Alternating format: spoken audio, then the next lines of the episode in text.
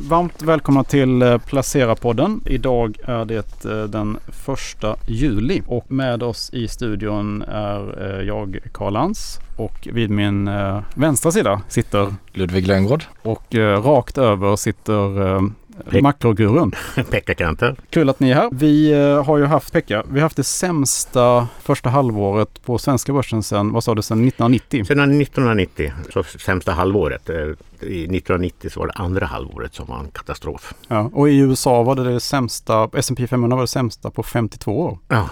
Ja, det var ju brutalt, brutalt. Men ja. det var ju som sagt var funnits gott om surdegar att tugga i sig för investerarna det här året. Så att eh, Ja, finns det någon, det är egentligen ingenting som har varit positivt ju. Jag försöker komma på någonting. men, ja, det, det, ja, ur ett svenskt perspektiv, liksom svenskt företags, industriföretagsperspektiv så är väl kanske att kronan har varit så, så svag. svag. Men eh, ur, ur någon sorts makroperspektiv så är det ju uselt att kronan går så dåligt. Och, spä på inflationen ytterligare till exempel. Mm. Och eh, ja, och sen har vi, vi har ju haft eh, nu, nu på lite senare, de senaste månaderna här eller veckorna så har ju eh, råvarupriserna börjat falla lite grann. Men ja. det ska man väl snarare se som en negativ, en recessionssignal. Ja, eh, som sagt var, eh, vi har sett en räntenedgång. Eh, amerikanska tioåringen som jag alltid tjatar om, den är numera nere under 3% igen. Det var ju uppe runt 3,5. Och sen har vi som sagt var en eh, råvaruprisnedgång.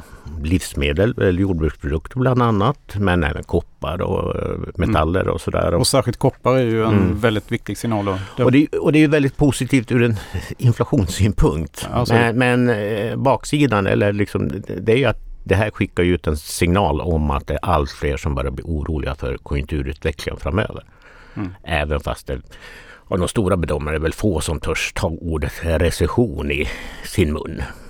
Men stagflation är ett nytt modeord bland mm. börsskeptiker i alla fall. Eh, om man då går över lite till eh, se vilka aktier som har klarat sig bäst respektive sämst här första halvåret. Då, eh, då ser vi ju att eh, på, när det är large cap-bolagen då så är bästa aktien i Saab upp 84 procent hittills i år. Effekt av ökade försvarsanslag i världen och särskilt i Europa då på grund av kriget. Man ser samma trend över alla, särskilt att då europeiska försvarsaktier har stigit eh, väldigt kraftigt. Ja, Tyskland skulle satsa 100 miljarder euro på ett bräde i princip. 100 miljarder plus att de ska då komma upp i tydligt över 2% av BNP också. Så att det blir då en åter, återupprustning av rang kan man säga. Sen eh, eh näst bäst på large cap-listan i Sverige, eh, Swedish Match, ligger under uppköp. Så att det är väl naturligt. Vi har ju AstraZeneca, väldigt defensivt. Har varit, länge varit lågt värderat, men är väl en klassisk tillflyktsort i sådana här tider. Läkemedelsbolag. Sobi, lite samma sak. Axfood är också samma sak. Mm. Det är väl ett bolag som uh, ganska snabbt kan uh, justera sina priser och, och ta rygg för uh, den ökande inflationen. Då. Telia också, upp 10 hittills i år. Om man då ser på eh, förlorarlistan så är det ju idel eh, fastighetsbolag och de så förut så älskade serieförvärvarna. Så att vi har ju till exempel eh, Storskogen då, ner 76 procent hittills i år. SBB ner 74. Vi har, uh, ja, Ludde. Ja, Vad ser du på listan? Ambiko ser vi också, som har lite problem med ledning. Det var lite rörigt där. Ja, K-fastigheter också. Minus 76. Fastighetsbolag. Coren Property också. Fastighetsbolag. Boost. E-handlare. Coronadopat. EQT är väl intressant. Ner 57 procent. Oj jäklar. Mm. Pekka, vad säger du om det här? Det var, det var det första, det var andra halvåret 1990. Mm. Då hade vi ju den här eh, extrema fastighetskrisen i Sverige va? Ja, och en djup ekonomisk kris under uppsegling också. Så mm. att får hoppas att det inte är Nej. ett tecken på det. Men eh, ja, och sen hade vi problem med kronan och räntorna. Och mm, det var mycket då. Mm. Eh, så att mot den bakgrunden så, så är ju den här nedgången liksom, eh, lite mer överraskande. Jag menar, då såg det mycket, mycket värre ut. Men det som var lite speciellt då var väl att Sverige var väl lite själva då med den. Det var väl en lite mer hemmagjord eh, kris va? Ja, det var det. Mm. det, var det. Nu är det väl lite, mm. allting lite mer globalt. Men däremot så är jag också förvånad att nedgången nu är större än den var under finanskrisen 28. Ja. ja, det är märkligt att takten är snabbare. Precis. Mm. Om vi kollar på eh, midcap-listan då så eh, ser vi att den största förloraren är Ferro Nordic. Det kanske inte är så konstigt. Eh, säljer då eh, framförallt anläggningsmaskiner till eh, den ryska marknaden som idag har kollapsat. Eh, Pierce Group som säljer motorcykeltillbehör på nätet i flera europeiska länder. Ner 87% VMW Global. Det kan väl du ganska bra i bolaget? Ja, det är min lilla surdeg i år då. Eh, de ju, det är ju ett investmentbolag med bara olönsam teknik egentligen. Med, de fokuserar på starka nätverkseffekter, med, alltså bolag med nätverkseffekter, nätverkseffekter och ja, hög potential då. Eh, men det är inte något som är populärt i dagens marknad. Och de har en rejäl substansrabatt men jag vet inte, det kanske är överdrivet men de här bolagen kommer ju behöva ta in kapital någon gång till och det är kanske inte är jättepopulärt nu. Det verkar vara lite tuffare, eller väldigt mycket tuffare nu och det var för ett år sedan. Och den kan säkert ligga här och skvalpa ett bra tag till. Ja. Vi får se. Och det är väl samma med de andra bolagen på den här listan också. Att uh, det är väl risk för att de behöver ta in kapital helt enkelt. Mm. Som är det som är slående. Då. Ja, likadant med VEF där också, lite liknande mm. investmentbolag. Vostok typ. Emerging Finance då. Ja. Om man då kollar på vinnarlistan där så är det ju eh, mycket energibolag som eh, har gått upp mycket. Vi har Hallex som ligger bud på. Rå, framförallt råvarubolag och mm. lite, lite läkemedel också har tagits upp här. Eh, om vi då går vidare och kollar på Nasdaq första halvåret så har vi ju haft en rejäl nedgång där också. Och det bolag på Nasdaq 100 som har gått allra sämst, Netflix, Yes. Ner 70 procent som, eh, ja det ser inte alls lika ljust ut längre som det gjorde för i början på året. Och då, redan då hade det gått ner mycket, ja. minns jag. Ja, jag hade ju dem då, men jag sålde ju ganska snart efter den rapporten som var katastrof. Så vi får väl se om de kan vända det här sjunkande skeppet. Men... Ja, det var ju många liksom prominenta som var inne och faktiskt bottenfiskade den. Jag kommer ihåg Bill Ackman var inne till exempel. Mm. Men han eh, sålde ju då ja. eh, när det kom ytterligare en vinstvarning. Vi har vad är det stora problemet för Netflix? Jag, jag förstår att de är kunder, men är det liksom konkurrenter eller är det dåliga filmer och serier? Så? Jag tror det är en blandning av båda faktiskt. Mm. Det är också att de, eh, de gick ur Ryssland också. Det var det, en liten faktor i alla fall. Mm. Nej men sen är det väl att det är ingen, det är väl ingen kundtillväxt helt enkelt. Och sen har de inte den här pricing power längre. Det är väl det som många tes var också, att de skulle kunna höja priserna. Och nu gör de inte det längre på samma sätt. Tesen, den tesen är ju liksom borta nu.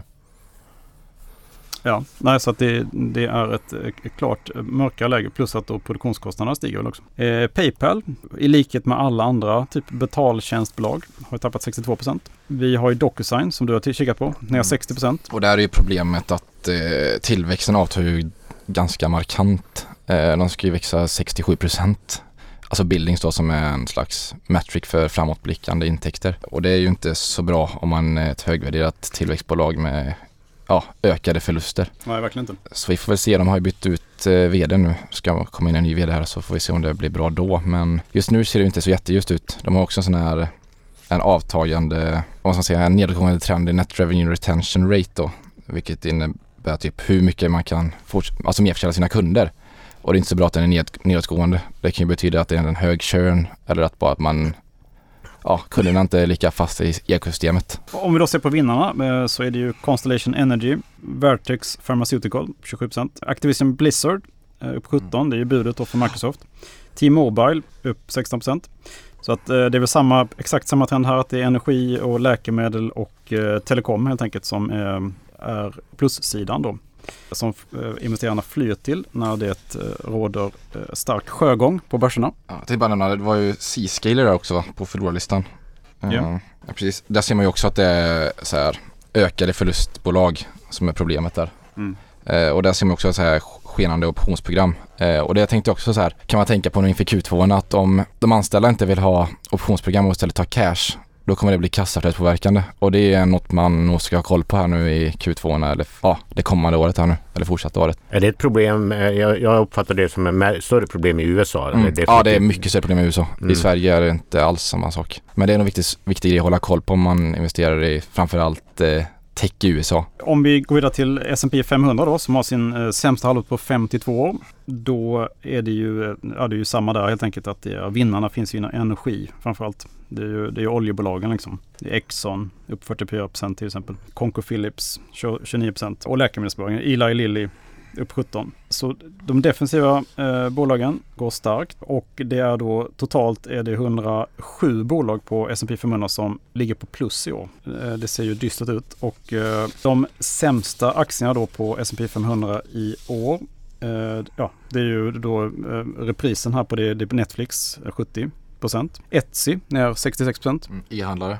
Mm. Så Paypal hamnar långt ner. EPAM Systems, de har ju då, det är väl ett konsultbolag, IT-tjänster, och som då har framförallt väldigt många anställda i Ukraina och Vitryssland och Ryssland som då har drabbats på det sättet egentligen. Royal Caribbean Group, kryssningar. Meta är faktiskt ner 51 procent. Värderas, i värderas som kolbolagen brukade värderas.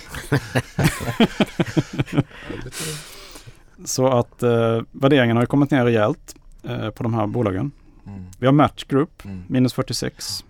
Bra bolag med bra tillväxt. Mm. Ja, men jag väntar på Q2 där för man vill gärna se vad som händer med vd-bytet där. Tänker jag. Mm. Men absolut intressant. Ja, nej, men det ser ju dystert ut. Eh, Pekka, finns det någonting positivt då? Ja, jag försöker ju tänka på det. Eh, men alltså att inflationen ändå...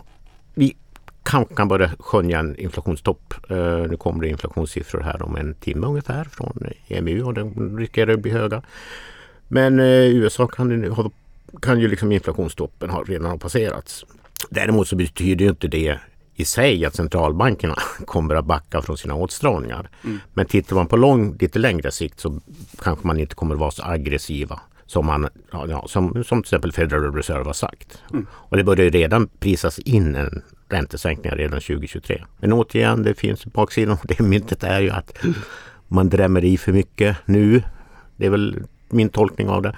Att marknaden prisar in att man drämmer i för mycket. Man är framtunga med sina räntehöjningar. Man höjde med 0,75 och det kan nog bli en till sån höjning här i sommar. Och eh, då ökar recessionsrisken igen.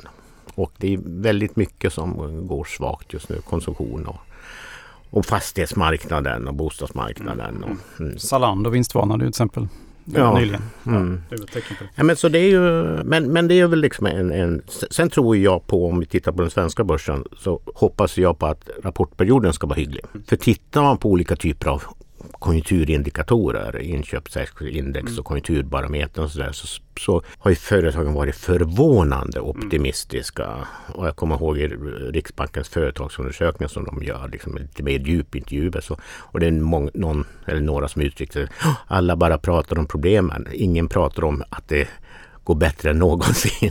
Men som sagt, de här, eh, så att jag tror att det kan komma en del positiva överraskningar när det gäller utfallet. Och sen gäller det vad de säger om framtiden. Då. Men hur kan det, det vara så stor skillnad mellan hushållens deppighet? De är, ju, de är ju deppigare nu än vad de var under eh, den stora finanskrisen. Ja. Eh, och de har princip aldrig varit så här deppiga. Men ändå är inköpschefsindex på, på relativt höga nivåer. Liksom. Men man kan säga att det känns som att företagen fortfarande lever i någon sorts covid-återhämtning. Eh, ja, mycket ja. stora orderstockar att beta av och sådär. Ja. Och tjänstesektorn, då är det fortfarande öppna upp som gäller. Liksom. Mm.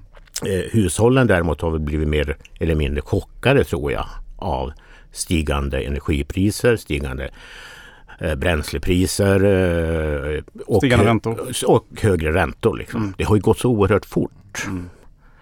Eh, den här omsvängningen har ju varit brutal för hushållen och eh, ja, Bor du i Norrland så svär du över mm. dieselpriserna. Bor du i Skåne så, så svär du över elpriserna. Och bor du i Stockholm så svär du över bostadspriserna. Mm. Mm. Så att... Eh, var kort med i SVTs morgonställningar. Då träffade jag eh, SVTs eh, USA-korrespondent som är hemma på semester nu. Jag var inne i studion. Så han eh, sa ju att eh, amerikanerna är också det är så deppigt så han har aldrig upplevt något liknande. Liksom. Det, det, sista han såg när han, eh, utanför hans, eh, han har McDonalds där han bor eh, och de hade satt upp, de har svårt att hitta personal och då nu betalade de 15 dollar per timme då, vilket är helt enorma löner då egentligen för ett, ett okvalificerat jobb på McDonalds. Det finns stor deppighet men, men det verkar ändå vara väldigt stark arbetsmarknad då. Ja, ja, det, mm. det finns ju dubbelt så många lediga jobb som det finns arbetslösa i USA till mm. exempel. Och när löneglidningen är ju då, som uppstår, den är ju besvärande för Federal Reserve. Men om man tittar på vilka amerikanska hushåll det är som är deppigast så är det de med förhållandevis höga inkomster. De som kanske har eh, köpt på sig en dyr bostad under eh, nedstängningen mm. och nu upptäcker att oj då, det är väldigt mycket av mina pengar som ska gå till att betala räntor. Mm. Även fast amerikanerna ofta har liksom bundna lite längre räntor. Mm.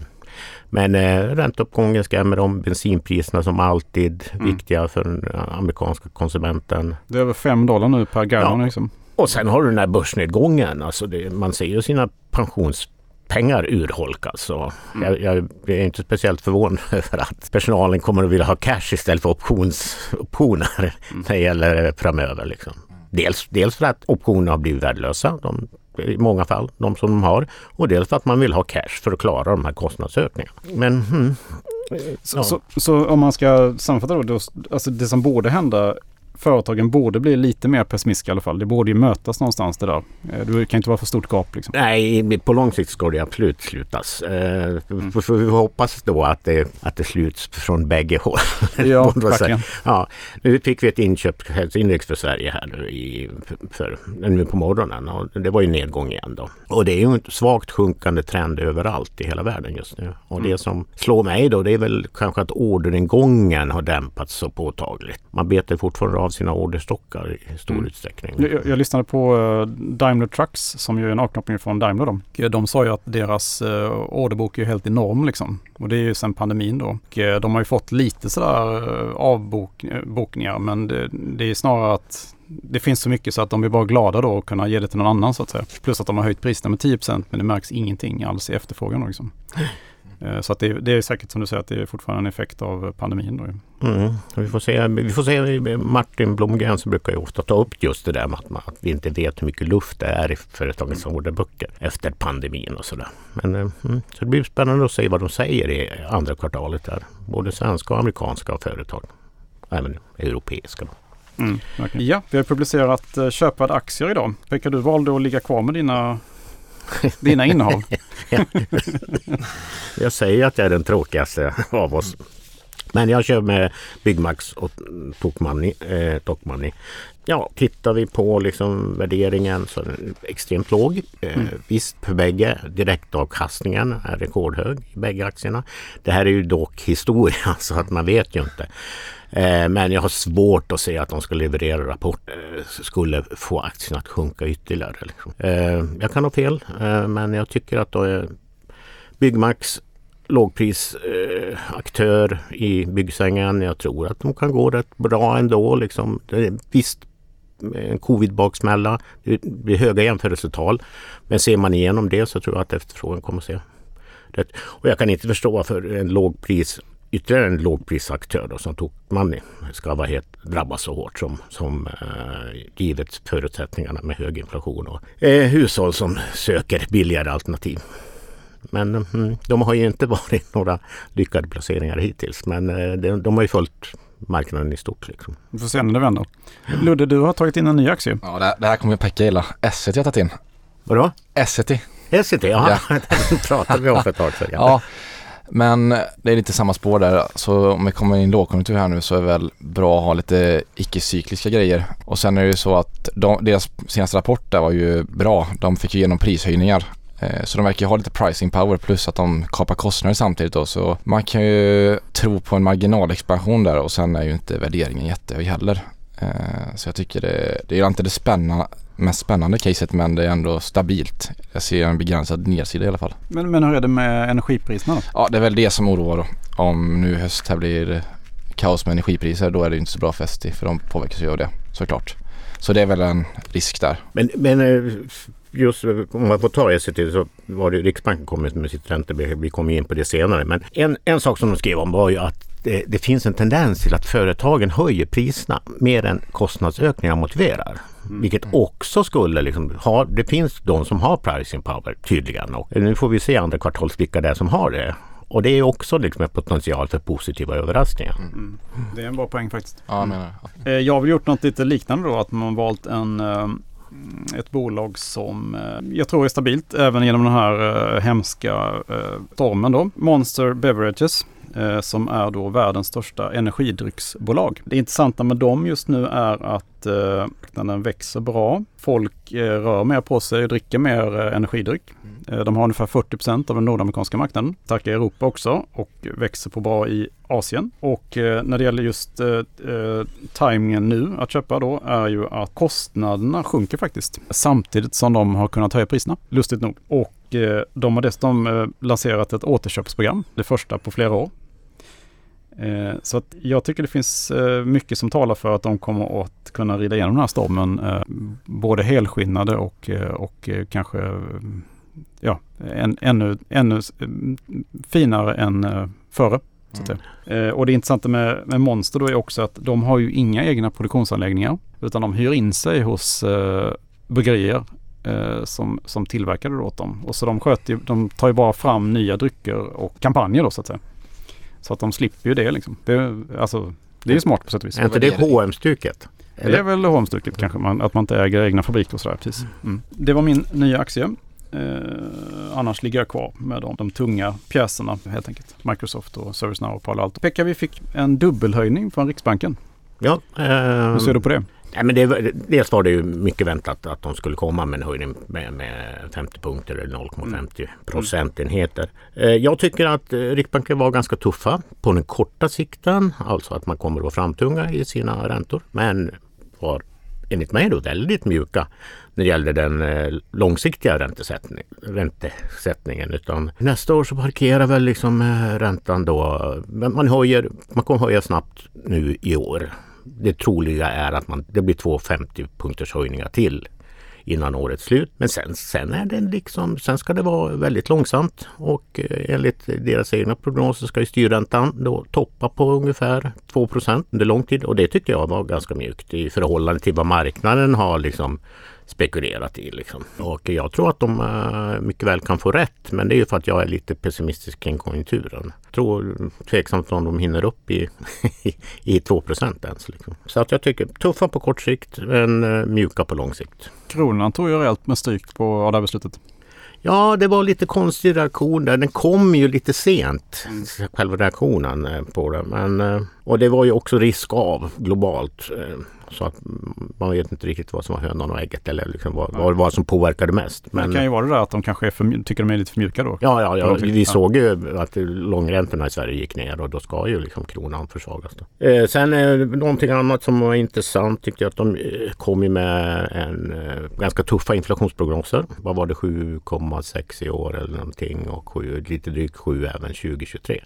Så man tror inte på någon snabb inflationsnedgång. Så ur den aspekten var det kanske lite förvånande att man blev så mjuka framöver. Så att, för att visst, inflationen ska krypa ner till 2 liksom 2024. Då. Eh, men jag menar, det är ju mer en from förhoppning än en prognos. Liksom. Så vi får se. Det blir svårt till exempel att genomföra löneförhandlingar med eh, liksom 7% inflation både i år och nästa år. Liksom. Och vi ser ju redan, och även i Sverige så har vi stor arbetskraftsbrist. Och vi ser företagen säger ju själva att eh, framförallt nyanställda får man ge högre löner då, eh, för att de ska acceptera jobb. Mm. Så vi får se, spännande. Eh. Då har vi en, en lönespiral där som är igång? Liksom. Ja, eh, ja, vi får se. Jag, jag, ser, jag ser det som är större bekymmer i USA än i Europa. Mm. Det är 15 dollar för jobb på McDonalds. Ja, precis. Mm. Så det, och så vill man ha, inte ha optioner utan man vill ha cash. Men eh, men visst, en påtaglig risk för att vi får liksom en... Visst, inte de här 7 procenten liksom kommer inte hänga kvar men kanske blir liksom en inflation på 3-4 procent som kommer att hänga sig kvar mycket längre än man Men är inte tror. det ett drömscenario då? då? Då får vi bort de här stora skuldbergen liksom. Ja, jo, men eh, samtidigt har ju centralbankerna liksom investerat otroligt mycket i att inflationen faktiskt ska vara 2 procent. Liksom. Eh, exempel Federal Reserve var ju sent ute med att sätta ett de facto mål men de gjorde ju det liksom till slut. Och Riksbanken har investerat i det här i liksom, eh, sedan eh, början på 90-talet och ECB ja, sammalunda liksom. Så att det är väldigt svårt att liksom krypa bort från det. Och, det, och risken där är ju att om man gör det, då skapar man i sig en löne och inflationsspiral. Liksom. Jaha, ja, de accepterar fyra, varför kan de inte acceptera fem eller sex. Men jag håller med dig, det är inte dumt ur ett skuldperspektiv. Nej, men jag vet att så här, eh, Paul Krugman och de där har jag snackat i hur många år som helst om att man borde ha ett mål på 4% istället. Ja, ja. I, mm. internationella valutafonden var inne på det tidigt. Liksom, att, mm. eh, redan liksom på, när de här målen infördes att de borde ha varit högre från början. Men det är svårt att bryta och då, det, det kanske man kommer att göra i sinom tid om, man, om liksom läget blir så akut. Mm. Men, men äh, det är väldigt stora investeringar i, i trovärdighet som, som ska plockas bort först. Liksom. Mm.